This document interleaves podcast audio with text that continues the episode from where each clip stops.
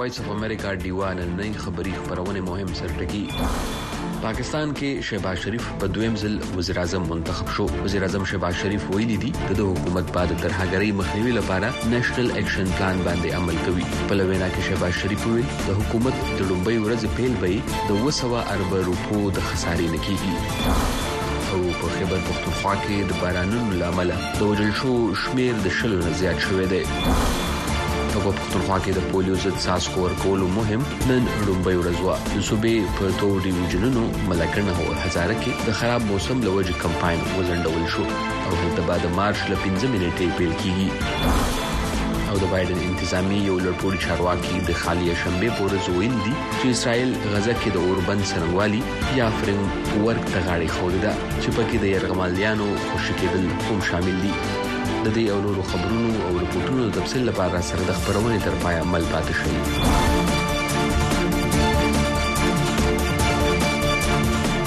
ستړي مشي دا د وایس اف امریکا ډیو ده نن د اتوار یک شنبه ورځ د کال 2023 د مارچ د میاشتې درې منټه ده وخت شوه په اسلام آباد کې د شپې لس په کابل کې د شپې نه نیمه او په واشنگټن کې د غرمې 12 بجې دي په دې خبري خبرونه کې درته زنه سر الله خان هر کله وایم په د پاکستان مسلم لیگ نون ګوند صدر شهباز شریف په دویم ځل د پاکستان وزیر اعظم منتخب شو د پاکستان په دې تقریبا واویا کال کې شهباز شریف د پاکستان سلیریشتم وزیر اعظم شو نو موري ایوان ته په خپل تقریر کې ویلي دي تر هغه مخنیوي لپاره به نېشنل اکشن پلان باندې عمل کوي د توار پورز وزیر اعظم منتخب کېدو وروسته قامي اسمبلۍ ته خپله وینا کې شهباز شریف ویلي، په داسې وخت کې به حکومت سمبال کړي چې حکومت د ړومبۍ ورځې پېل به یې د اووه سوه اربه روپو د خسارې نه کېږي. نیوکې کوونکي یا ناقدین د پارلمان دننه د تقسیم ښکار سیاست ته په کتو وایي، ګرانه به وي چې نوی منتخب وزیراعظم به د اقتصاد د ښه کولو په خپل پلان کې بریالی شي. تفصیل درته د اسلام اباد نه ډیوه خبریال ارشد حسین په دې رپورټ کې وړاندې کوي. د اتوار پر ورځ د وزیراعظم د ټاکنې لپاره د قامي اسمبلۍ غونډه د سپیکر ایاز صادق په مشرۍ کې شوې چې پکې د اسمبلۍ 201 غړو شهباز شریف ته رای ورکړي د شهباز شریف په مقابله کې د سني اتحاد کونسل کاندید عمر ایوب 92 رای ترلاسه کړې دي د اسمبلۍ د غونډې پیل کېدو سره سم د وزیراعظم د ټاکل کېدو نه وروسته اپوزیشن غړو په اسمبلۍ کې سخت احتجاج کړی او په انتخاباتو کې د شوې مبینه درغلۍ او د نواز شریف او شهباز شریف په ضد یې کلک شعارونه ورکړي. برابر هو بي نوی منتخب وزیراعظم شهباز شریف وروسته ایوان ته په خپله وینا کې مخالفینو ته د مفاهمت د میثاق وړاندیز وکړو او ورسره یې هېواد ته د ورپېښو اقتصادي چیلنجونو او امریکا په ګډون د نورو دوستو هېوادونو سره د دوه اړخیزه اړیکو د لا نور ښه کولو یادونه وکړه. د سیاسي او پارلماني چارو ماهرین وايي، نوي حکومت او وزیراعظم شهباز شریف ته تر ټولو لوی چیلنج په ولس او ایوان کې د خپل قبولیت ورپېښ دی. پاکستان ته چې دا وخت تر ټولو لوی کوم چیلنج درپېښ دی هغه معاشي دی او اقتصاد باندې معاملات تر هغه وخت پورې وړاندې نه شي تللی تر څو چې په هېواد دننه سیاسي استحکام نه وي راغلی. د وزیراعظم په انتخاب کې د شهباز شریف مقابل امیدوار عمر ایوب خان ایوان ته په خپله وینا کې وویل، نوي منتخب شوي وزيراعظم شهباز شريف لوظونه خو ډېر وکړل ولې د قانون د بالادستۍ يادونه يې ونه کړه. نوموړي ايوان ته په خپل تقرير کې يو ځل بيا ټاکنو کې د درغلو تورونه ولګول. د نوي وزيراعظم د انتخاب په عمل کې د جمعيت علماء اسلام فې ډلې غړو رايې نه دي کارولې او د بلوچستان نېشنل پارټۍ مشر اختر مينګل په ايوان کې موجود و خو هغه هم خپله رايه نه ده استعمال کړې. شهباز شریف ته د مسلم لیګ نون ګوند، پیپل ګوند او د متحد د قومي موومنټ په ګډون د بېلابېلو سیاسي ډلو ملاتړ تر لاسه وو او عمر ایوب خان ته د پاکستان تحریک انصاف ګوند او سني اتحاد کونسل ملاتړ حاصل وو. د پارلېماني چارو څارونکي وايي، که څه هم نوی منتخب شوی وزیراعظم شهباز شریف په خپله وینا کې د اقتصاد د ښه کولو لپاره یو کړنلاره ورکړه، خو ایا په دې به عمل وشي؟ خو دا اوس چې کوم صورتحال ګورو نو وزیراعظم تقریر کوي او د پوزیشن ستراتیژي د مستقل احتجاج ده او دا داسې ښکاري چې احتجاج به جاري ساتي او که دا هم داسې روان وو نو عوامي ستونزو به خبرې نه کیږي او مسایل به نه هواریږي. شهباز شریف ایوان ته په خپله وینا کې ویلي، د ده حکومت به د ترهګرۍ د مخنیوي لپاره نېشنل اېکشن پلان عملي کوي او هڅه به وي چې هېواد مخې ته د پرتو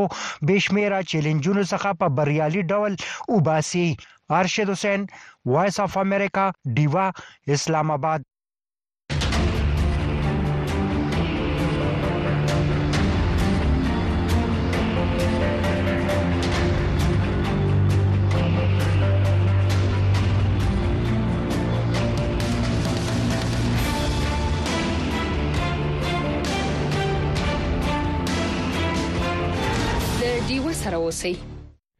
د وایس اف امریکا ډیوه ده شهباز شریف ته پاکستان نوې وزیر اعظم ټاکل شوی نو وزیر اعظم به هیواد تور په خو اقتصادي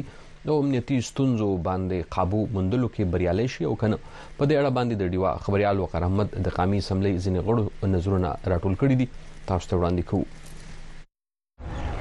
د مسلم لیګ نون میا شهباز شریف په دویم ځل د پاکستان وزیر اعظم وټاکل شو خاغلی شهباز شریف 200 او یو رائے ترلاسه کړې دي دغه په مقابل کې د سنی اتحاد کونسل عمر ایوب خان 92 ووټونه یا رائے ترلاسه کړې دي آیا د پاکستان نوې حکومت اقتصادي او امنیتي چیلنجونو باندې काबू موندل شي او کنه په دې اړه موږ د ځینی پارلمان غړو سره خبرې کړې هیوی منډیټ کوم حکومتونه چه مضبوط وو هغوی هم دا مسلې حل نه کړې شوې دا حکومت خو د کراييو حکومت دې دخلکو مينډيټ يې پټ کړې دې زه نه ګڼم چه دومره کمزورې حکومت به دا مسلې حل کړې شي. مونږ غواړو چې سیاسي استحکام راشي، سیاسي استحکام نه وي نو معاشي استحکام راتلی نه شي، هغې لپاره ګوره پکار ده چې دا ټولې پارټۍ دې کیني دا ملک نه څه جوړ کړی دی، رجواړه یې ترې جوړه ده. د همسب مل کر پاکستان موږ ټولو ته به د هیواد د اقتصادي ستونزو څخه د روښکلو لپاره په یو اقتصادي قامي اکشن پلان باندې عمل کول وي څنګه چې موږ د ترهګرۍ پر ضد په شریکه یو نیشنل اکشن پلان جوړ کړی وو. جو اګر هم افغان بارډر کو دیکهتې هې پاکستان. که د پاکستان افغانستان سره شریکه پوله وي او که ایران سره نو دې وخت په دې دواړو ترهګري ډیره سیوا شوې ده ځکه دا ډیره ضروري ده څوک چې خفه خلک دي بايد هغوي سره مذاکرات وشي د هرې يوې مسئلې سياسي حل موجود وي. اوس موجوده زموږ يو چيلنج دی هغه موږ معيشت دی نو دلته کې چې کوم د نن صورت حال تاسو وکتو پرون مو وکته نو دا زه وايم دا يو ښه علامت نه دی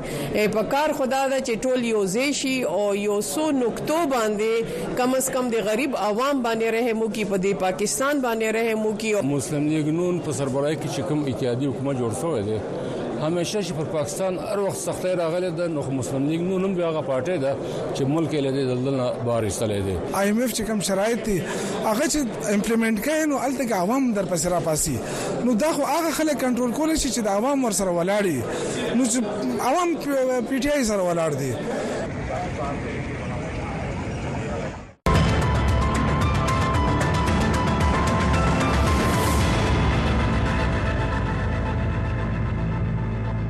دا د وایس اف امریکا ډیوه د خبري خبرونه لا دوام لري د پښتونخوا صوبې د مسلم لیگ نون صدر انجنیر امیر مقام وای تحریک انصاف په عام انتخاباتو کې د درغلي تورونه بې بنیاده دي، وايي باید نوی ټاکلی وزیراعلا د دړکو ورکولو پر ځای د صوبې امنیت او معاشي صورتحال ته پام وکړي. نور یې څه خبرې کړې دي، د ډیوه د خبریال عثمان خان سره تفصیل یې تاسو ته وړاندې کوو. بهت اگر یه انسلټ تو یه نهی یا ایک پارټی کهنا یه تو پورې. انجنیر صاحب که لږ راته ووایې زموږ د صوبې د فاینانس ډېره غټه مسله ده نوي فیصده موږ په وفاق باندې اډانه یو. نوی حکومت بیا په صوبه کې د پی ټی آی راغی څه کومک به کوی تاسو مرکز کې دوی سره. راول خو دا د دې صوبې د عوامو ډېره بدقسمتي ده چې داسې خلک دوباره راغی چې د هغوی انټرسټ او مفاد صوبه نه ده خو هغه دهشتګردي او نارې او چغې او هغو ته دا ثابته هم شوه چې که هغو څه کار وکړي او که نه کړي نو په دغه نارو او چغو ته ووټ ملاوېږي خو په داسې حالتو کې به دې صوبه کې یو سیریس لیډر شپ پکار چې هغه خپل ډیمانډز خپل مطالبات هغه خبره کوي نو زموږ دا صوبه د چا دانه ده زموږ د ټولو ده د کې پی کې د ټولو ده او زموږ هم د سر تعلق ته زموږ چې سکه دي شي او سمرا انپوټ او کم وسایل ریسورسز دي خدا سي خلک راغلي چې هغه وسه ډیمانډ کړل چې آی ایم ایف ته د فندینګ هم نه کوي او هغه پروګرام دیم بنشي او بهر نه فاینانس راتله هغه هر څوم بند شي دا انتهایی دی بدقسمتۍ خبره ده خو څو پورې زمنګ تعلق دی نو همیشه تور دا کې پی کې دا بل خبره چا ته ووټ ملاو شو منډیټ ملاو شو دا ټول عوام زموږ خپل عوام دی ټول خلک زموږ خپل له د دې صوبې لپاره مخکې موږ فایټ کړی جدوجہد کړی او ان شاء الله تعالی بیا به موږ کوم څومره ریسورسز او وسایل په کې دنده نو دا دا زموږ برپور کوشش یی دلته زمونږ شیر مونږ ته ټیک ټاک میلاوی ایر ریسپیکټیو جاره دلته سوک چیف منسټر دی د چا حکومت دی دا صوبه زمونږ ده نو د هغه لپاره به یوشان فایټ کوو انشاالله. په خیبر پښتونخوا کې د امنیت ډېرې زیاتې مسلې دي، په الیکشن کې هم د بدامنۍ ډېرې پېښې رامخې ته شوې، خو وي پاک چې یو پرسنټ د سیکیورټۍ لپاره کوم فنډز راځي هغه یې هم نه دي ورکړي، دلته کې د تنخواګانو پیسې هم نشته، نو مرکز د دغه بې امنۍ لپاره سیکیورټي څه پالیسي یا. یو حکومت جوړ شي او د هغې نه وروسته به هر څه مخې ته راشي چې یاره څه خبره ده او زموږ دوی ته هم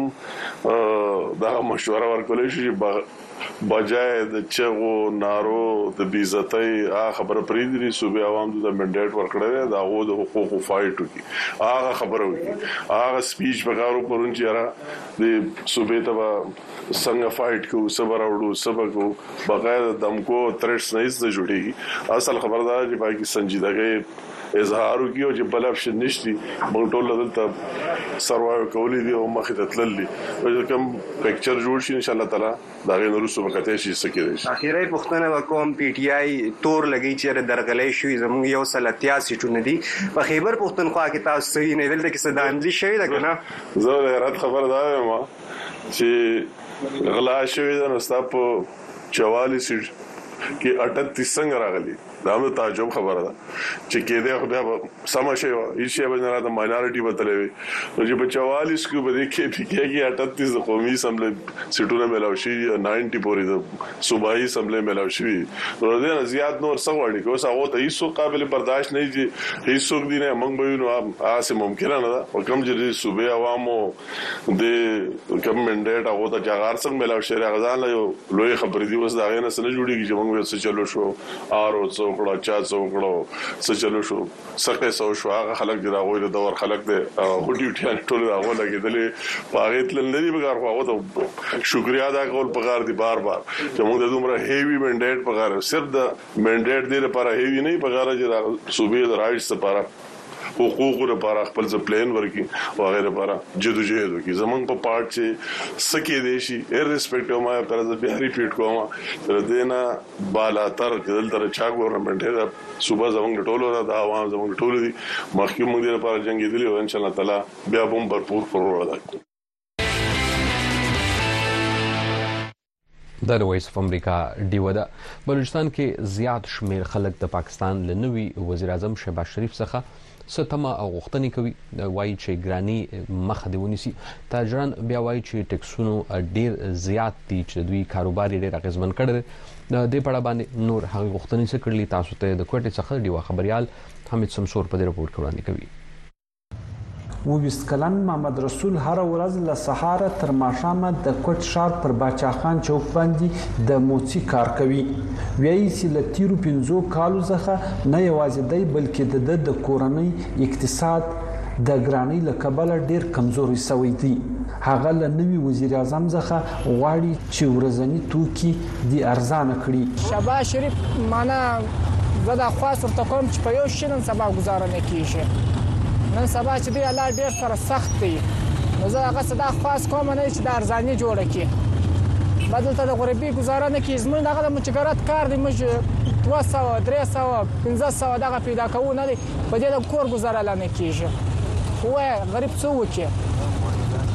غوړي ګران دي وړه ګران دي چی شو کې زه بس ما دغه سره دا خواست چې یو څه ارزانه سي بس ځوانان بیا وی چې نوې وزیر اعظم دی و خلکو ته د روزګار زمينه برابره کړي د دوی په خبره په ځوان کول کې مایوسی ډیره خورسوي ده شهباز شریف څخه موږ دا غوښتنه کوو چې بس په ملک کې څه دغه راولي اتفاق راولي سره ملک برابر شي ملک دا رقم دی تباہ او برباد شي بس دا غوښتنه کوو ستنه دا چې خلک ګره بې روزګار دي ګس کارونه نشته خلک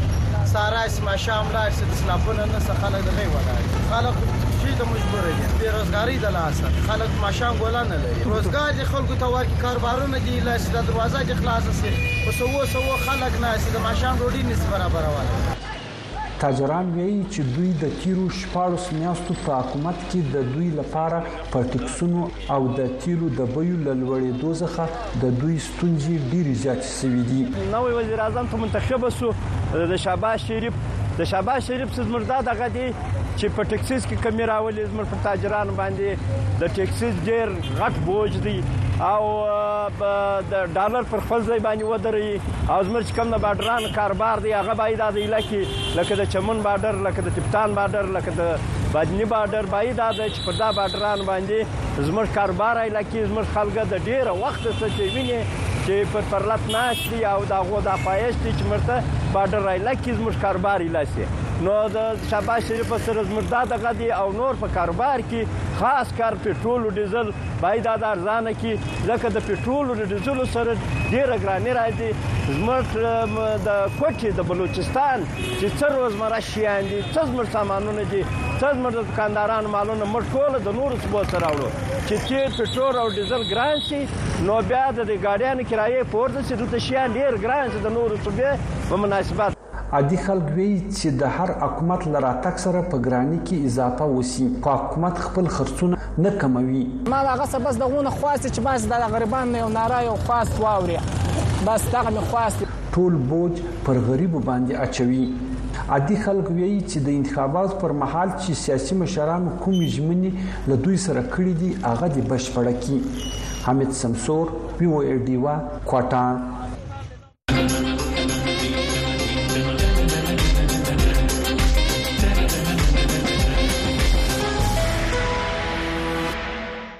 د رويس اف امریکا ډیوه د خبري خبرونه لا دوام لري په خیبر پښتونخوا او ګلګت بلتستان کې د بارانونو څومره نقصان شوه دی واورې څومره شوې دي کوم ځګونه لارې بند کړې دي او بیا په دې وخت کې د بارون او واورې مخ کې هم کېدلې کدا په لومړي ځل باندې شوې دي په دې اړه باندې پښتنې کوو زموږ سره نیخ پنیغه د سیمینر دیوا خبريال احسان محمد خان سره ملګری شو سلام شه په خیر اغلی احسان محمد خان سره مننه نصرالله صاحب. مننه کوو چې د وخت راکولو او لنۍ پوښتنه به هم دغه وکړو چې د واورو او د بارانونو له امله د مرګ جوبلو شمیره چې کومه ده هغه څومره ته رسیدلې ده حالات څه دي؟ نصر الله صاحب داسې ده دغه تیرو دریو ورځو کې کله نه چې د باران د واورې لړۍ روانه شوې ده په خیبر تونخوا کې بیا له بیلو ځایونو کې په مجموعي توګه باندې دغه د مرګونو شمیره یو دیرش ته رسیدلې ده په دې کې د د کوم چې د سیلابونو یا د افتونو د مخنیوي صوبایي اداره ده د غي لخوا نن سهار ویل شوی وو د شمیره خودل شوی و چې ویشته خدایي ورستو بیا سلور تن نور په سواد مټه کې کوم چې په او یو غورځیدلی کور د ملبې څخه راوښکل شوی دی دغه شان د یو دېرش ته رسیدلی ده او یو یو سل دوه شپېته تنان چې دی په دې کې معمولی ټپیان شوی خو بیا کوم چې د خیبر پښتونخوا د سیلابونو د مخنیوي اداره ده د دې په وینا باندې یو کم سلويخ داسې دي چې دا بیا روغتونونو ته وړل شوی دی بیا لبیل زینو کې دا په دغه پیښو کې ټپيان شوي وو بيا په دې کې یو سل یو کم شپېته کورونه د ته زیان رسیدل دي چې په دې کې درې ډیر کورونه داسې دي چې دا په مکمله توګه باندې دا ورزيدل دي او په دغه کورونو کې بیا کوم مېشت خلکو دا نور خواوشا کوم محفوظ زینو اغه ته د دغه زینو خلکو رسولي دي صحیح احسان خان صاحب یو دغه پښتنه هم د دیوا کتون کې وردونکو هم په ځین کې چې په کم زګونو کې په خیبر پښتونخوا کې واور برانونه زیات شوې دي محکمه سوې د موسمیاتو بیا چې کم نور اداري دي داغي په دې اړه باندې سوې دي بیا کم کم روډونه سړکونه لارې د دغه ځکه متاثر شوې دي نصرالله صاحب داسې ده د موسمونو کومه محکمه ده د هغې په وینا باندې چې دغه لړۍ به یعنې نن چې زه د تاسو سره خبره کوم د اتوار د ماښام پورې به روانه وي خو بیا هم لا دا د باران او واورې لړۍ ودرېدلې نه ده او د دا وخت زه چې اوس تاسو سره خبره کوم نو هم په شمالي سیمو کې زه به تاسو ته یاد کړم چې په مانسیره ایبټ اباد او دې سره لګیدلې برخو کې باران روان دی د باران لړۍ ده او بیا ځینو ځایونو کې واوره هم ده کوم چې د کراکورم های وی په نوم باندې سړک یادېږي په دې باندې اوس خپل ما ولیدل چې ګلګرې چې ورته وایي د واورې یو بل قسم چې هغه بیا هم د مارچ په میاشت کله داسې موسمونه دي نو دا بیا وریږي اوس هم په دې وخت باندې دغه ګلګرې او بیا بارانونه هم وریږي خو زه به تاسو ته وایم چې په دغه تیرو دریو ورځو کې کومې تیر شوی درې ورځې دي په دې کې په خیبر پښتونخوا کې بیا تر ټولو زیات باران چې د کوم چې د موسمیاتو اداره ده هغه چې کتلې دی هغه په دیر سیمه کې وریدلې دی هلته باران هم زیات وو او بیا واوره هم شوې ده په ړومبي ځل دا چې په دیر کې د دیر ځایي خلک وایي چې دغه د واورې کومه لړۍ هلته کې ولیدل شوه کومه واوره هلته شوې ده په هغه ځایونو کې هم وشوه کومو ځایونو کې چې په تیرو کلونو کې دغه واوره نه لیدل کېدله خو دغه بیا زیاته شوې دي سره سره بیا په شنګله کې هم واوره او بارانونه شوي دي دغه شان بیا ورسره په کوهستان کې بیا په بټګرام کې په الهي کې او د دې سره بیا دا به هم تاسو ته وایم چې ډیر سړکونه چې دي یعنی مرکزي سړک چې د شارع ریشم په نوم باندې چې یادېږي یا کراکورم های وی دغه هم تړل شوی دی ځای په ځای باندې په چلاس کې دغه سړک تړل شوی دی دغه شان په کوهستان کې د کمرو ورزیدو له وجې دا سړک تړل شوی دی او بیا په زرګونو خلک چې په دې کې سیلانیان هم شامل دي، بیا د ګلګت بلتستان د کوهستان سیمې خلک هم شامل دی، دغه هم ځای په ځای باندې ایسار شوی دی، په مانسیره کې، په بیشام کې، دغه ډول بیا په چلاس کې ځنې سیلاني کوم سیلانیان چې دغه بیا وښکل شوي هم دي، د. ګلګت بلتستان چې د ګلګت سکاوټس په نوم باندې یادیږي دی بیا هم په امدادي هلو ځلو کې برخه اخیستې ده او د دې سره سره بیا ډیر سړکونه لکه زه به تاسو ته یاد کم چې د بټګرام کراکورم های وې نه چې کوم الای ته تلونکي سړک دی دغه سړک هم بیا ځای په ځای باندې د سیلابي اوبو راتلو لوجه دا تړل شوی او کمرې هم ورزیدي دغه شان تورغر ضلع ده داسې بیا د خیبر پښتونخوا خیبر ضلع الته کې وزه تاسو ته وایم چې د یو کور شپږ تنان تیر ورځ دغه یو پیخه کې چې پکې څلور ماشومان دوه زنانه شامل وي دا مړ شوی او دغه شان بیا په میرانشاه کې هم ځنې کورونو ته زیان رسیدل دي د دې سره سره بیا د امدادي الیزل دي یا چې د سیلابونو مخنیوي کومه اداره ده د هغه په وینا باندې چې دي په هر ځای کې دغه امدادي کارونو ته چمتو دي او د ځلي انتظامیه سره په رابطه کې دي د ریسکیو جی خا او یو پښتنه وړه شانت بل کوم چې آیا په تاسو څنګه د خیبر ذکر وکړو د بټګرام د دیر نو په دې ځکه په مارچ کې اول خو مخ کې باران د پاره زیاتره چې رپورټونه ورتل باران بنو بیماریاں زیات شوه په دې وخت کې واوري کې د بارانونه کې د آیا دا عام موسمونو کې هم داسې په تیر جمو کې شوې دي کنه دی ورله جدا دي نصر الله صاحب داسې دا کوم چې مشران دي د هغي په وینا باندې چې دغه کمتر وی چې د مارچ په میاشت کې واوره وشي بارانونه خو کیږي خو هغه کم وي خو داسې په یو لړۍ چې تر درو سلور ورځو روانه ولیدل شو چې په دې کې کومې غره ییزې علاقې دي په هغې کې واوره او بیا په لاندې پرتو سیمو کې بارانونو لړۍ دا لیدل کیږي. د موسم ماهران وایي چې دا د موسمي بدلون هغه اغیزې دي، منفي اغیزې دي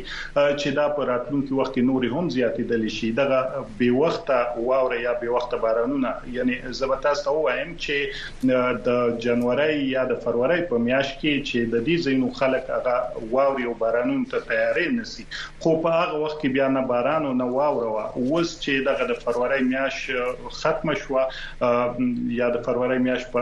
اخیری نیټه باندې دغه لړۍ روانه شوه او تر نن دا د مارچ میاشت ده اوس هم په ځینو برخو کې واوره روانه ده بیا د پنځمې نیټه نه تر اومې نیټه پورې بیا دویمه لړۍ دی وی چې درې ورځې دا به هم روانه وي چې پاغي کې به هم بیا په غریزو سیمو کې واوره کیږي په لاندې پرتو سیمو کې به بارانونه وي دغه به وخت دي او دا د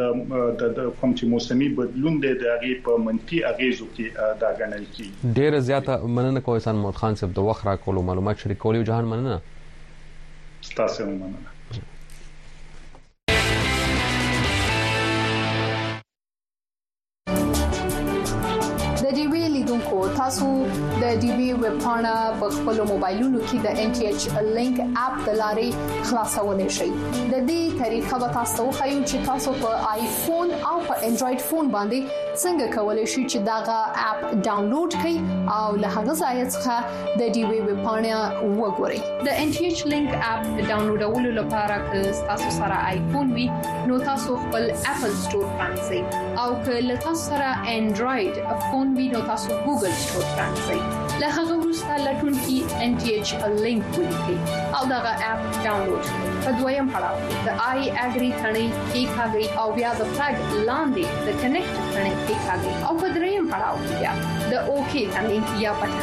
کیکاږي لکه نکټیدو وروسته تاسو د دې وی پاڼه فرانسې او د خپل خوښې پرونی وګورئ او له هغه ځای تاسو کولی شئ چې د خپل خوښې ټول پروګرامونه ریپورتونه او لیکنې ولولئ او وګورئ د رویس اف امریکا ډیوه د خبري خبرونه لا دوام لري په خیبر پښتونخوا په جنوبي ضلعو قبایلی ضلعو کې د نامنۍ پیښې هم شوې دي د پاکستان پوز وایي چې الته د په کرک کې کم اپریشن کړی دی یا اولته ستر هګر چې وایي دی د دې په وینا باندې درې تر هګر وجل شوې دي په دې اړه باندې معلومات اخلو زموږ سره سیمینر ډیوه خبريال عدنان بیٹنې ملګری شو ستړي مشه په خیر عدنان بیٹنې صاحب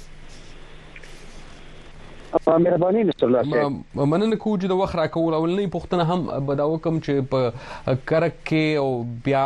په کوهاټ کې دغه شانت د نامنې پیښې به د پاکستان پوز وایي چې عملیات هم کړې دي څه تفصیل لري مهرباني د پاکستان پوز ویلي دا وایي چې په کرک بیا ځکه چې عملیات کړې او سوال پر ضد او دې ته د وسلوالو د موجودګۍ کره استخباراتي معلومات ترلاسه شوي وو او کله چې پوځ دغه ته لاړ نو وسلوالو او د امنیتي ځواکونو ترمنځ ناڅاره ډزې شوې پوځ دا ولري چې په دغه ډزو کې درې وسلوال وژل شوي او څلور نور ژوبل شوي دي او په دغه ډزو کې بیا پوځ دا ویلي چې امنیتي ځواکونو ته کوم نقصان اوښته او کنه پوز دغه داوا هم کړې ده چې دغه وسلوال چې ورسې شي د امنیت په ځای په پیښه کې ککړ پاتې شوی او د له قبضې څخه په زیات شمېر سره چې دي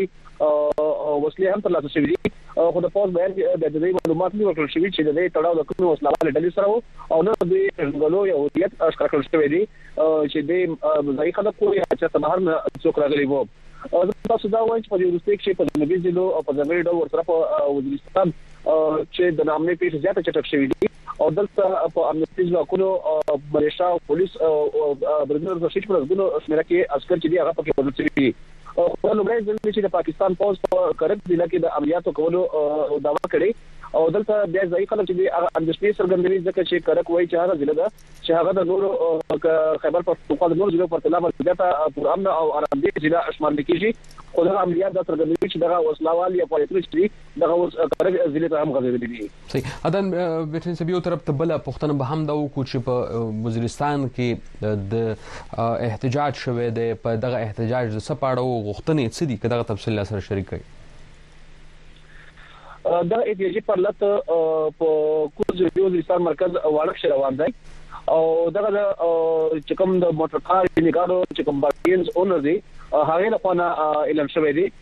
او دوی دغه دعوه لري چې د دې څخه نږدې شپېتو پورې ګاډي پولیسو نیولې دي او پولیس هم پخلای کوي او وایي چې د دې سره دي او د دې سره څو مذاکرات هم شوي دي خو هغه ناکام شوي دي دغه احتجاج کوونکي وایي چې دغه ضلع چې په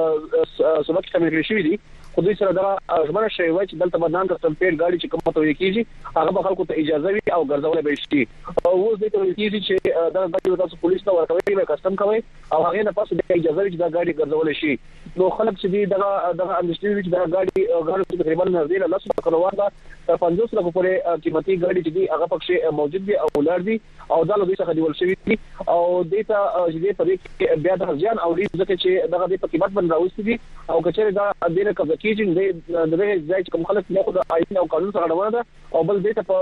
لکونو روپۍ یا په کروړو روپۍ چې کوم نقصان دی هغې سره به مخامخ کیږي. صحیح ډیره زیاته مننه کو عدنان بریټنی صاحب د وخت راکولو معلومات شریکولو یو جهان مننه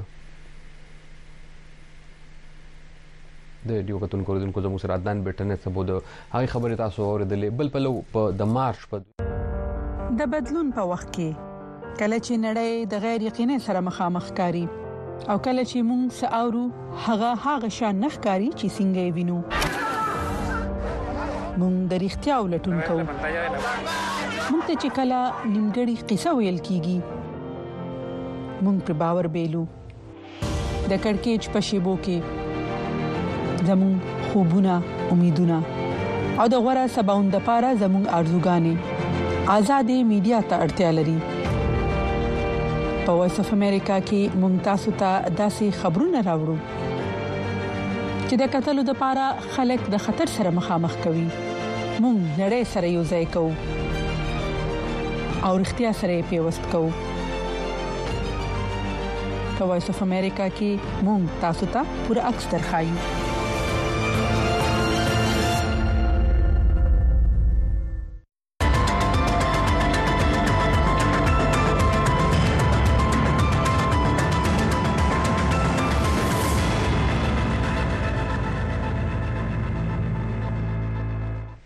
ده رويس اف امريکا ډيوه ده خبري خپرونه تاسو نه خپني غده واشنګټن ډي سي سټوډيو نه ګوري د مارچ په دوه منټه د بلوچ کلتور په ورځ په کراچۍ کې د لادرکه شو بلوچانو کورنیو احتجاجي لاریون وکړ احتجاج کوونکو ویلي دي دوی دغه ورځ د خوشحالۍ نه لمانځي بلکې خپله مبارزه او مزاحمت مخ په وړاندې وړي او د خپلو بې درکه کسانو د خوشې کولو غوښتنه کوي نور حال درته د کراچۍ نه د ډیوا خبریال ذوالفقار بیټنې په دې رپورټ کې وړاندې کوي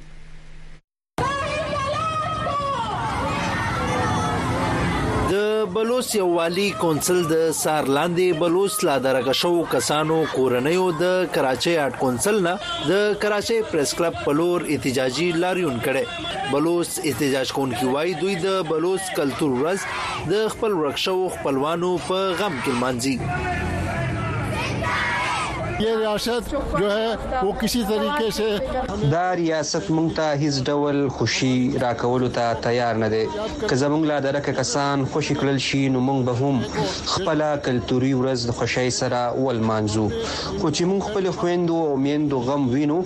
نو مونږ خوشي نشو مانځلې. څو ورځې وړاندې د پاکستان نګران وزیراعظم انوارالحق کاکړ د لادرکه بلوڅ زده کوونکو په مقدمه کې اسلام آباد های کورټ ته وړاندې شوی وو او عدالت ته ویلي وو چې څوک هم د جبري لادرکیو دفاع او وکالت نشي کولای وزیراعظم کاکړ عدالت ته ویلي وو په خپل هم د بلوچستان سره تعلق لري او دا غزي د حالاتو نه خبر دی د کاکړ وینا وه چې ریاست په بلوچستان کې د وسله وال بغاوت سره مخ دی او غیر ریاستي عناصر هم د بشري حقوقو سرغړونه کوي خو بلوچ فعالانو د شنبې په ورځ یو ځل بیا ریاست باندې نیوکه وکړه چې ټول بلوچستان ریاست په هدف ګړي چې دوی پاکستان کې پرمنا ژوند نه وکي او ځکه ټول بلوچستان ریاستي ادارو ته په قبضه کې ورکړی شوی.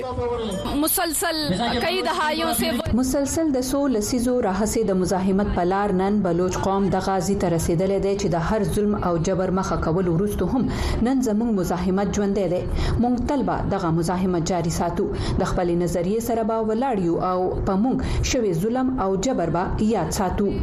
تېر کال د دسمبر په وروستیو کې اسلام اباد کې ګڼ شمېر په جبري توګه لادرکه شوو بلوڅانو کورنیو د یوې میاشت نه زیات پر لت وهلی و او غوښتنه یې کوله چې لادرکه خپل خپلوان دې وموندل شي او عدالتونو ته دې وړاندې کړل شي. د جبري لادرکه بلوڅانو کورنیو وار په وار په پاکستان امنیتي ادارو تورونه پورې کړي چې دوی خلک یې له کورونو او نورو ځایونو نه په زور وړي دي خو امنیتي ادارې د وخت نه دغه تورونه ردوي او وايي دا خلک د هند په ایجنډا ریاستي ادارې بدناموي ذوالفقار بټنای وی وی ډیوا کراچۍ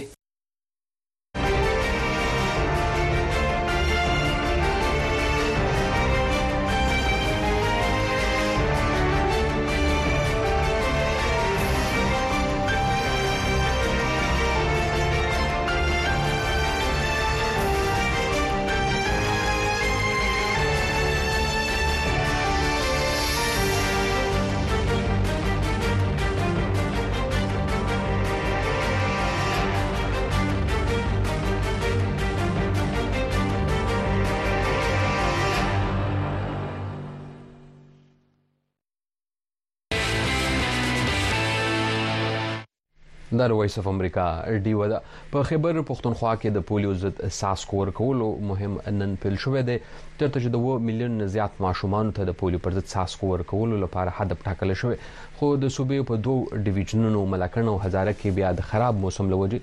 د کمپاین لنډول شوی د کمپاین به بیا د 15 د مارچ د 15 نیټه پیل کیږي نور تفصیل تاسو ته رسي مینه ډیوه خبریال صدام حسین خان په دې رپورټ کې وړاندې کوي په خیبر پښتونخوا کې د پولیو مهم دوام لري مرکزی ښار پیښور کې د پولیو کارکونکي وای دوی د بارانونو او سخت هوا سربېره ورتر ورزي او د 15 کلونو څخه کم عمر ماشومان ته د پولیو ضد ساسکی ورکوي دا په پېښور کې د افغان کډوالو کباپیان کیمپ دی لارې یې خټینې او تګ پرې مشکل دی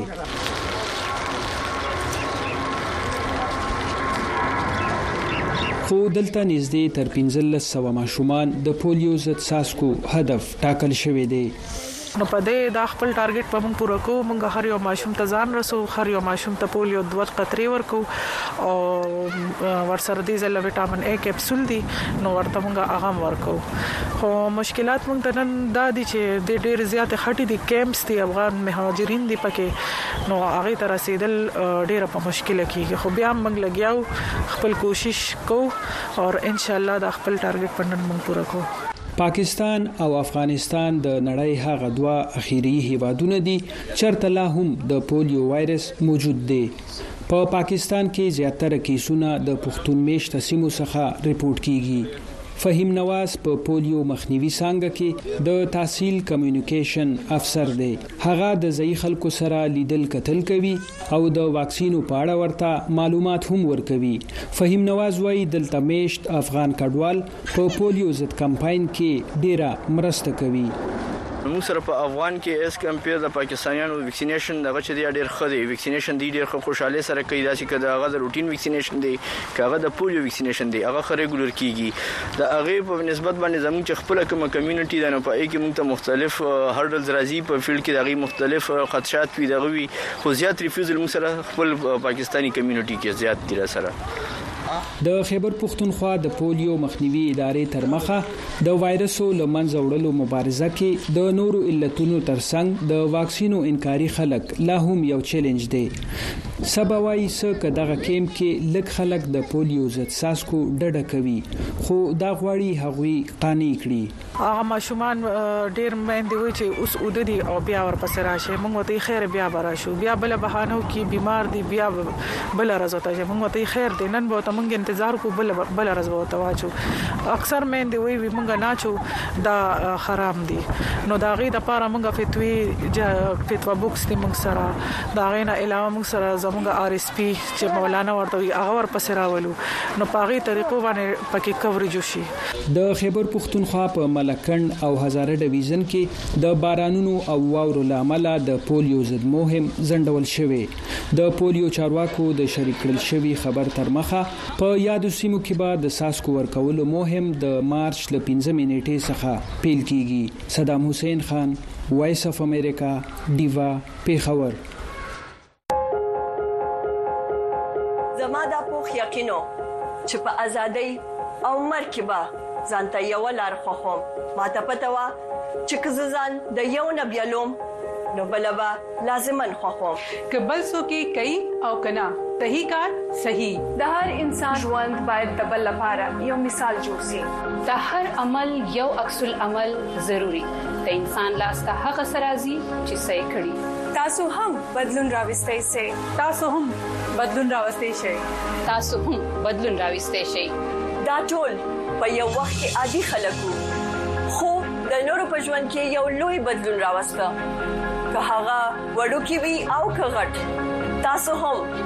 دغه بدلون راوستلی شي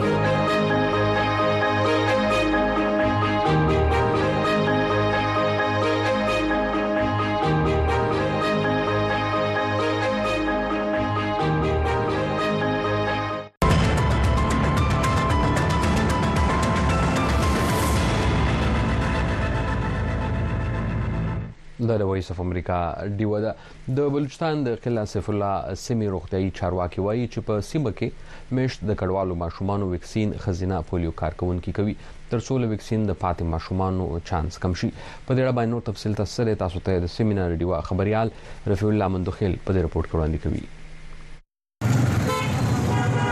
د کلاسې افلا د پولیو مخنیوي پروګرام چارواکي وایي چې کډوال د پولیو وایرس وړونکي یا های ریسک موبایل پاپولیشن ګڼل کیږي ځکه چې دوی له یوې سیمې بلې ته کډه کوي او د وایرس وړلو چانس زیات وي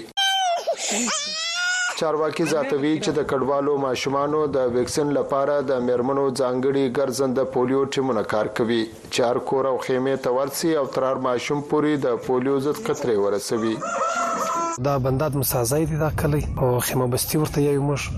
دا کم سه کم اویا اتیا کور دی چې مطلب کله د لیبی کله پنجاب خواته زی کله د افغانستان خواته مخکې تل وس نو بارډر بند دی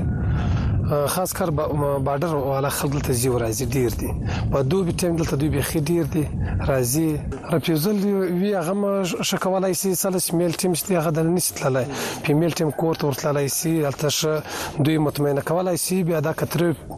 دوه ساز کې دی هغه ور کوي دوی ښه مطمئنه شي بیا ځین راځي بل کور ته ځي ښه په منظمه طریقه باندې دی و دوی ته پولیو ور کوي دا د کلاسیفلا حکومتي او انتظامی چارواکي وایي چې دا سیمه د موسمي خلکو یا کوچانو د راتګ مهمه لار ده. په ضلع کې په هر پولیو ضد کمپین کې د پولیس او لیویس په بدرګه د کډوال ماشومانو په ګډون څلرویشت زره ماشومانو ته د پولیو ضد قطرې ورکول کیږي. های ریسک موبایل پاپولیشن یا کوچیان یا نومیډز چې دي پر دا زموږ سپیشل امفیسیس دی. دا یو سیټ پیټرن دی چې دا خلک چې دوبی را شروع شي و دا ځلاله راځي دن پښتنو ازلاله چې په کوم کې کلاس افلا هم دی او په ژمي کې دا خلک اګین و ساوت بیلټ لچی نو دا پاپولیشن چې ایچ آر ایم پی ورته وای دا زموږ د مایکرو پلانینګ حصہ ده او زموږ خصوصي پر دې باندې توجه ده کوشش کوو چې دا پاپولیشن پرکوس. کلا سیفلا د کوټې او بوري پر لاره پرته د شمالي بلوچستان ضلع ده چې له افغانستان سره په بادینې سیمه کې پوله لري. په سیمه کې د پولیو ضد کمپاین د دوه سوه ګرځنده پولیو ټیمونو په مرسته ترسره کیږي. رفیع الله مندوخیل، وایس اف امریکا، ډیوه کلا سیفلا.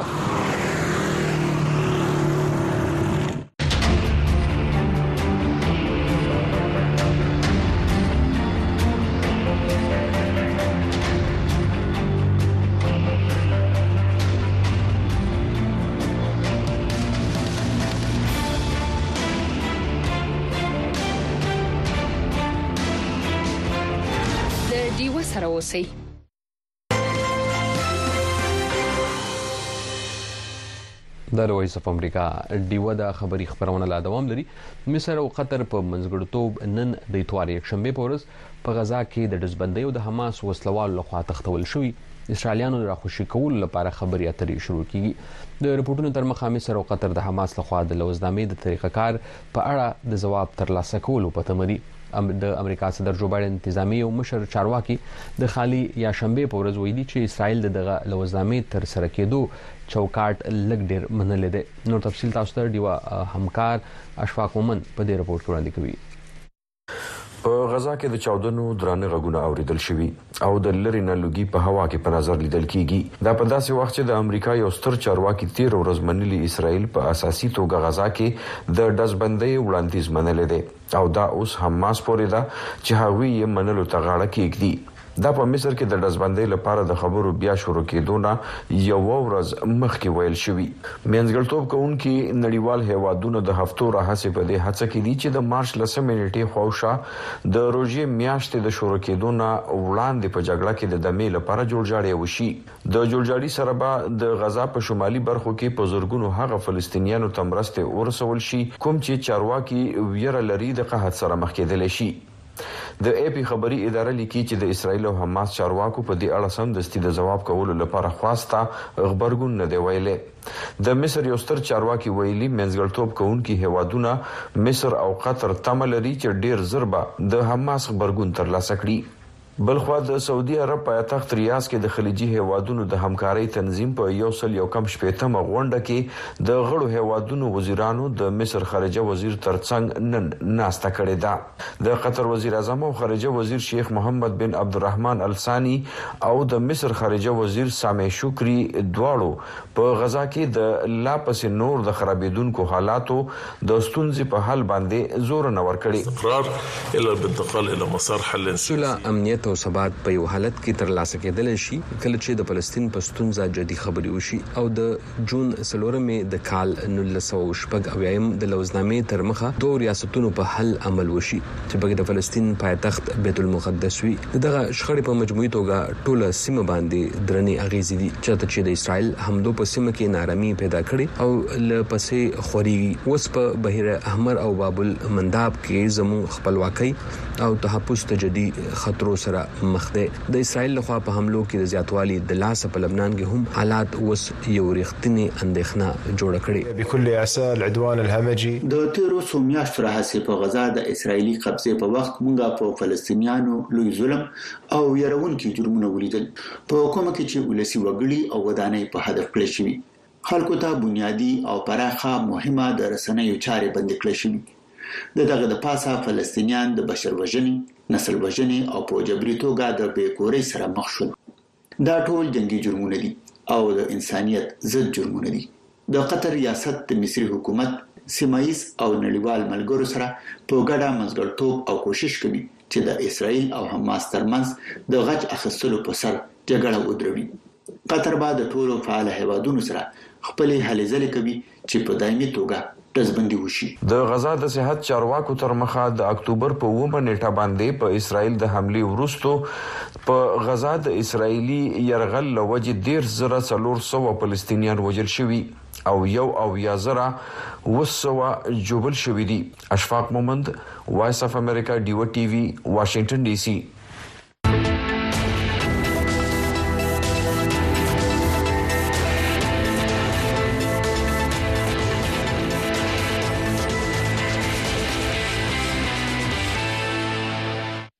دا د وایس اف امریکا ډیوه د خبري خبرونه لا دوام لري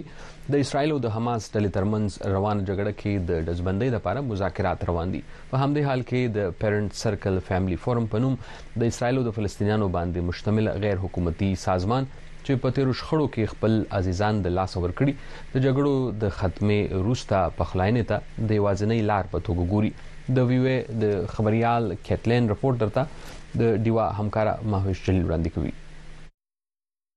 په داسې حال کې چې د اسراییل او حماس ترمنځ د جګړې د شروع کېدو دادې نږدې پنځه میاشتې تېرېږي، د اوربند د یوې موافقې لپاره هیلې زیاتې شوې دي. په همدې حال کې د پیرنټس سرکل فیملي فورم د شاوخوا اوو سو خلکو لپاره د اسراییل-فلسطین ګډ غیر حکومتي سازمان، چې د کلونو په جګړو کې یې خپل عزیزان د لاسه ورکړي دي، د یو بدل مقصد جوړجاړي غوښتنه کوي. موږ د اوه سوه څخه زیاتې کورنیو یوه ډله یو، چې د ټولو په جګړه کې د کورنۍ نږدې غړي مړه شوي دي. موږ د عدم تشدد، جوړجاړي او د قبضې ختمولو لپاره کار کوو. د ډیملین او د سازمان نورو غړو لپاره د دوی کار د خواخوږۍ سره پیل کیږي. ډېر کار چې موږ کوو په دې پوهېدل دي چې ولې خلک ځان دې ته ورسوي چې دوی د اووم اکتوبر پېښې په رنګه کار وکړي. نو که تاسو په غزه کې لوی شوي ماشوم يې، د مثال په توګه نږدې د دوولس يا څوارلس کالو يې، او هر څو کاله وروسته جګړه وي بمباري وي تاسو پناه ځایونه نه لرئ او تاسو د تیښتې لپاره هیڅ لار نه لرئ او هیڅ امید نه لرئ نو تاسو به څه قسم انسان لویږئ؟ فلسطیني بسام مرمین چې د پیرنټ سرکل فیملي فورم غړی هم دی د تاوتریخوالي د پای ته رسولو غوښتنه وکړه. Revenge which is very easy but you will never solve any. انتقام چی ډیر اسان دی کله هم څه حل کولی نشی تاسو به یو بل مظلوم پیدا کړئ تاسو به پخپله قاتل شئ او وینی به همهغه شان تویږی مونږ له ددی تشدد او وینو دا لړۍ ودرول پکار دی. کله چې وي او اې په واشنګټن کې د اسراییل سفارت ته د پخلاینې د هڅو په اړه د تبصرې غوښتنه وکړه، هغو څه جواب ونه ویل. د فرورۍ په میاشت کې د اسراییل وزیراعظم بنجمن نتنیاهو وویل، چې هغه د فلسطیني ریاست مخالف دي. د اسرائیل خلک او د دوی ټاکل شوي استازي د پخوا په مقابله کې متحد دي. د اسرائیل پارلمان په لوی اکثریت سره د اسرائیل په ضد د هر هغه اقدام مخالفت وکړو چې په یو اړخیزه توګه په اسرائیل باندې د فلسطیني ریاست مسلط کړي. دا ډول کوشش به یوازې اسرائیل د خطر سره مخامخ کړي او د ریښتیني سولې مخه به ونیسي چې موږ ټول یې په لټون کې یو. په ټوله نړۍ کې لاریونونه روان دي، ډېر یې د اوسنۍ دښمنۍ د پای ته رسولو او د غزه او غربي غاړې د قبضې پای ته رسولو غوښتنه کوي او همدارنګه هغه کسان چې د اسراییل ملاتړ کوي او د یهودیانو خلاف د نفرت پېښو د زیاتوالي سره مبارزه کوي د پېرنټ سرکل فیملي فورم غړي یوازې تاوتریخوالي پای غواړي نړۍ اوسنۍ شخړه څاري چې د اکتوبر په اوومه هغه مهال پیل شوه چې حماس په اسرائیل یرغل وکړو دولس سوه کسان یې وژل او تر او تر 240 ډیر یې یرغمل کړل د اسرائیل په پوځي جواب کې شاوخوا دې سره فلسطینیان وژل شوې دي د وایس اف امریکا کیتلین لپاره مهوش جلیل وایس اف امریکا دیوا واشنگټن ډي سي د رویس اف امریکا ډیوه ده په سیاټل واشنگټن کې چینایي ټولنې د نوي قمري کال لمانځلو په وخت لاریون وستلې چې پکې د 1314 اتیم د هغه فساد یادونه هم کړې چې قهرجنو مظاهرچانو په زور د چینایي وستل پیل کړیو لاریون کوونکو وايي نن هم له دغه پیښې زده کړه ضروری ده د ویوې د خبريال نتاشا مزګوایا رپورت کې تر نور تفصیل وړاندې کوو د فروری په میاشت کې په سیاتل ښار کې چرته چې 15 فیصد نه زیات آبادی ایشایی نسل ده د نوي قمری کال لمانځلو په وخت پکې رنگارنګ غونډې او پروګرامونه روان وي که څه هم په دې کوڅې کې روان جلوس د یو جشن پرنګ ښکاری خدا د چینایي ټولن لپاره یو دردونکي تاریخي پېښې په اړه یادونه ده. کله چې هغه مزدورانو چې د ریل په پاټلۍ یې کار پای ته رسېدلی و، کمپني والو کان کنستلو کر کروندې څانګو ته تلل پیل شول، نو ټولنې دوی ته د یو ګواښ په سترګه کتل پیل کړل او غوښتل یې دوی نه ځان خلاص کړي. هغه وخت یې فشار دومره زیات شو چې کانګرس د اتلس سوه دوه اتیا یم چینایي خارج کولو قانون پاس کړو. دا په ټول هېواد کې لومړی قانون و چې په ځانګړې توګه امریکا ته یې د یو مخصوص قومیت مهاجرت منع کړو. بندیز دوه لسیزې پورې و او هغه کسان چې د مخکې نه په هېواد کې وو نه شوی کولای چې شهریت تر لاسه کړي او ځینې ځایونو کې ورسره د توپیري چلند سره سم تشدد هم کېدلو. د کښتونکو د ډله ییزې وژنې سره پیل شو. بیا دا اوریګن ته خپور شو او د دوی چینایي ټاون ټکوما ته ورسېدو دواړه په 1985 کې وسوځول او شپږ میاشتې وروسته د سیاتل خلکو پریکړه وکړه چې یو بل کار وکړي دوی لچې کوم یو هم په لاس ورغلو راغونډې کړل او د اوبو غاړې ته یې روان کړل یوې ډلې د درې سوه نه ډېر چینایان راټول کړل، ځینې یې له خپلو کورونو راوویستل او د شړلو لپاره یا ویستلو لپاره یې بحري جهاز ته وخېژول. د دغه واقعې د یو سل دېرش کلونو نه زیات وشول. په سیاټل کې د شلو نه زیاتو ټولنیزو سازمانونو، چینايي نسله خلکو د چاینه ټاون نه واټر فرنټ ته مارچ وکړ، او د کونسل غړي تانیا وو وايي، د کورنۍ غړي یې په نولسمه پېړۍ کې سیاټل ته راغلي. زما کورنۍ د اتلس سوه اووه اتیا یم راهسې دلته ده، خو زه لومړي نسل یم چې دلته په امریکا کې پیدا شوم، دا ځکه چې زما د کورنۍ ټولې مېرمنې هلته وې او نه شوې کولای چې امریکا ته مهاجرت وکړي. که هم په دې ډول کورنۍ وېشل شوې او جدا شوې وې. زه داسې احساس کوم چې دا پېښه یوازې یو یادګار نه دی، بلکې په موږ د عمل غږ کوي چې موږ باید توپیري چلند خلاف ودرېږو. په امریکا کې کوویډ ناینټین کیس په لومړي ځل د جنورۍ دوه زره شلم د سیاټل نه شاوخوا پنځه ویشت کیلومتره شمال ته راښکاره شو. دغه وایرس په لومړي ځل د چین په ووهان ښار کې یوه میاشت وړاندې موندل شوی و. د کوویډ وبا دا مسله نوره هم زیاته کړه او د چینیاریانو خلاف نفرت څو چنده زیات شو او همدې له امله موږ ته پکار ده چې خلکو ته یادونې لپاره خپل لاریونونه زیات کړو. د چینیایانو اخراج ویستل په نولسمه پیړۍ کې نه دی ختم شوی، دا نن هم دوام لري خو په نورو شکلونو کې. د مارش انتظام کوونکو ټینګار وکړ چې دا لاریون یو فرصت دی چې چینايي امریکایانو او نورو مهاجرینو هغه خدمتونه په ګوته کړي چې دې ښار لپاره یې کړي دي. د نتاشا موزګویا لپاره نصرالله خان وایس اف امریکا ډیوا واشنګټن.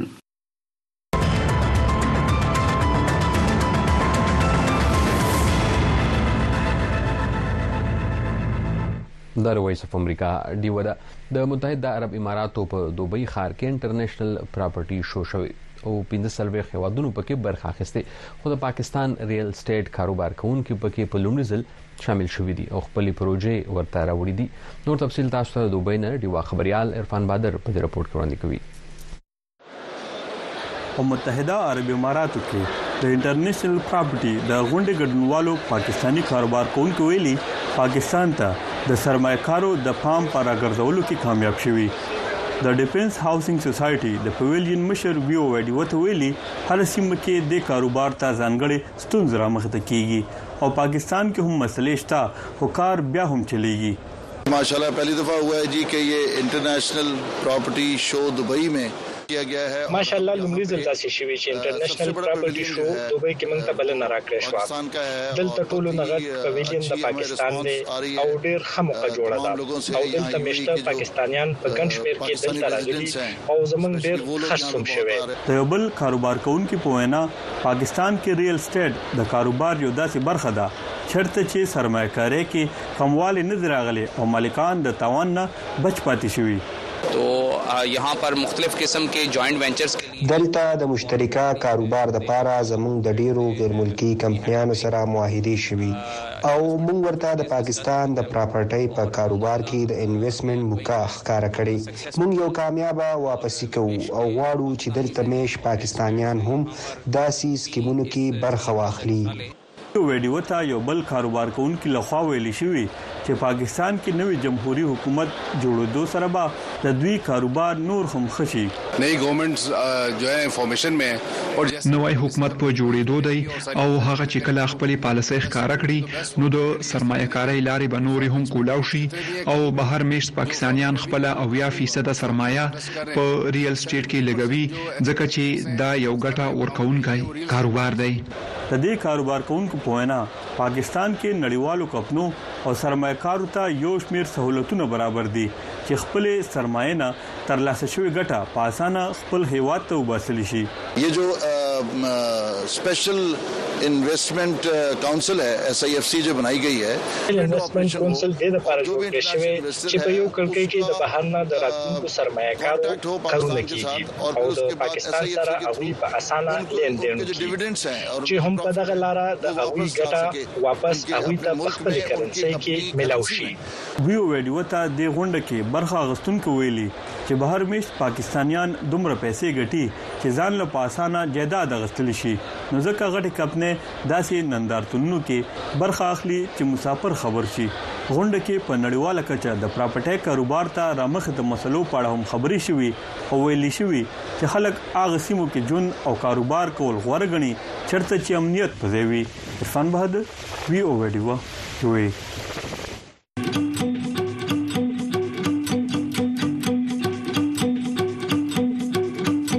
وي او ویډیو، په سټیلایټ ټي وي هره ورځ سلیویریش ساته په دیشنټینا تاسو په یو ټل سټلایټ په ټي وي تازه تولا او به تر په خبرونه بحثونه او سیړنی کتلې او اوریدلې شي د یوټل سټلایټ فریکوئنسي یا سبې او یا بي او یا اشاریه 15 ایست چینل یو سلدري هر ورځ سلویری ساته لډي وسره اوسئ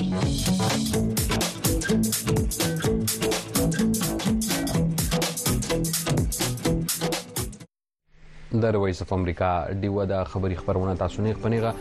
د یا لایف د واشنگټن ډي سي سټوډیو نه کتله که ستاسو نه دا خبرونه پاتې شوی لایو یا نیغ پنې غم نه وی کتلی یا هله وی خبرونه وی لوی خبر پښتونخوا خبرونه وی یا وی شیرین خبرونه وی نو تاسو به ورسته هم د وی وی دیوا په فیسبوک باندې د وی وی دیوا په یوټیوب باندې او د وی وی دیوا په ویب باندې کتلی شئ د خوندور رپورټونو لپاره تاسو د وی وی دیوا انستګرام